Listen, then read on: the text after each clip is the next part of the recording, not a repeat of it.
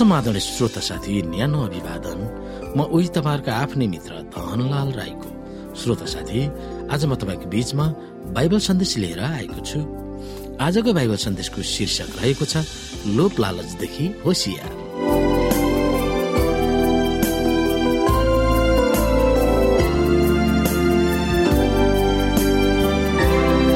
श्रोत साथी लोप लालचदेखि होसियार भन्ने बाइबल सन्देशमा हामीले विशेष गरी अध्ययन गर्नुपर्ने बाइबलीय पदहरू रहेको छ।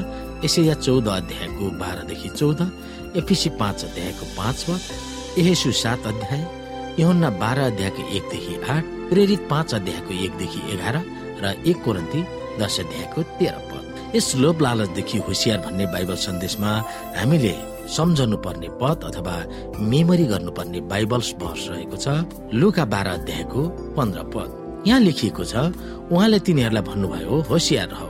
सबै किसिमका लालचबाट जोगिने काम गर। किनकि मानिसको जिन्दगी उसको धन सम्पत्तिको प्रशस्तमा रहँदैन। श्रोत साथी लोभ गर्नु वा लालच गर्नु भनेको के हो त? यो आफूसँग नभएको धन सम्पत्ति र आफ्नो नभएको तर अरूहरूको धन सम्पत्ति वा उपलब्धिहरूको तीव्र चाहना गर्नु नै लोभ या लालचको एउटा प्रमुख परिभाषा हो। आफू चाहिँ केही नगर्ने आफ्नो सिप काम गर्ने अवसरलाई गुमाएर बस्ने तर अरूहरूको उन्नतिमा लोभ गर्ने प्रवृत्ति पापको एउटा फल पनि हो। परमेश्वरको सामु लोभ लालच गर्नु भनेको महापाप हो किनकि यसैभित्र झुट बोल्ने गद्दारी गर्ने चोर्ने हत्या गर्ने छलकपट गर्ने अरूसँग खेलवाड गर्ने जस्ता मानवीय दुर्गुणहरू समावेश भएको हुन्छ। आफ्नो महान नैतिक नीति अर्थात् दश आज्ञामा यस सम्बन्धी चेतावनी दिनुभएको छ। यस स्वभावमा मानिस भएन भने मानिसहरूको जीवन सुखमय र सन्तुष्ट हुन्छ। त्यसकारण प्रस्थान बिस अध्यायको सत्रमा उहाँले यसरी किटान गर्नुभएको छ आफ्नो छिमेकीका घरको लालच नगर्नु आफ्नो छिमेकीकी पत्नीको लालच नगर्नु आफ्नो छिमेकीको कमारा कमारी गोरु गधा वा त्यसको कुनै पनि थोकको लालच नगर्नु। लोप लालचलाई बाइबलमा धेरै महापापमा गनिएको छ। यो यस्तो पाप हो जसले गर्दा मानिसहरू परमेश्वरको राज्य वा स्वर्गमा जान सक्दैन।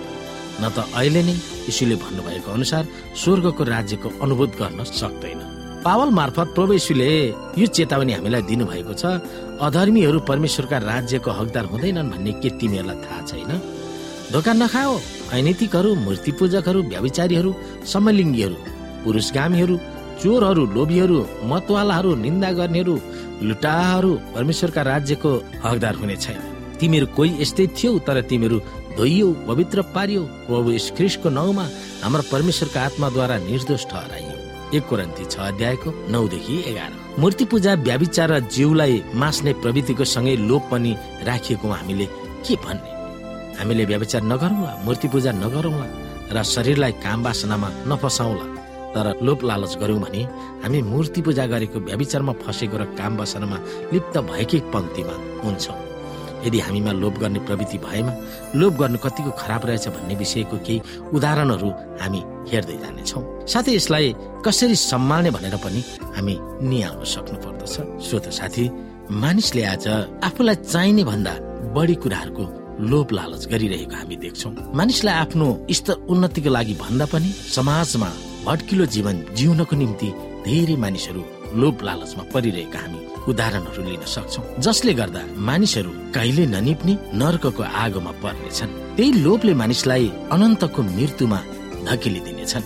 लोभ यस्तो डरलाग्दो खतरनाक शक्ति हो जसले मानिसलाई मृत्युसम्म पुर्याउनलाई पछि पर्दैन। जब मानिसले आफूलाई खान लाउन बस्न हिँडडुल गर्न सम्म ठिक्क छ भने हामीले पर्याप्त मान्नु पर्दछ तर मानिसहरू जति मानिसलाई भयो उति नै मानिसहरू लोभ गर्दै जाने प्रवृत्ति मानिसको पापीपना हो। यसैको दुर्गामी असर हाम्रो जीवनमा पर्दछ। त्यसले गर्दाखेरि हामीले पाप गर्छौँ हामीले लोभ गर्छौँ लालच गर्छौँ। हाम्रा भावी सन्ततिहरूले पनि त्यसै गर्दछन्। त्यसले गर्दाखेरि हामीले हामी मात्र होइन हाम्रा भावी सन्ततिहरूलाई पनि पापमा फसाइरहेका हुन्छौँ पापतिर ढकेलिरहेका हुन्छौँ। यी कुराहरूमा हामीले विचार गर्नुपर्दछ।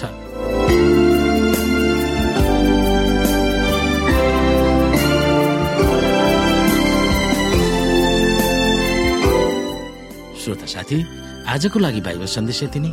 हस्त नमस्ते जय मसिंह।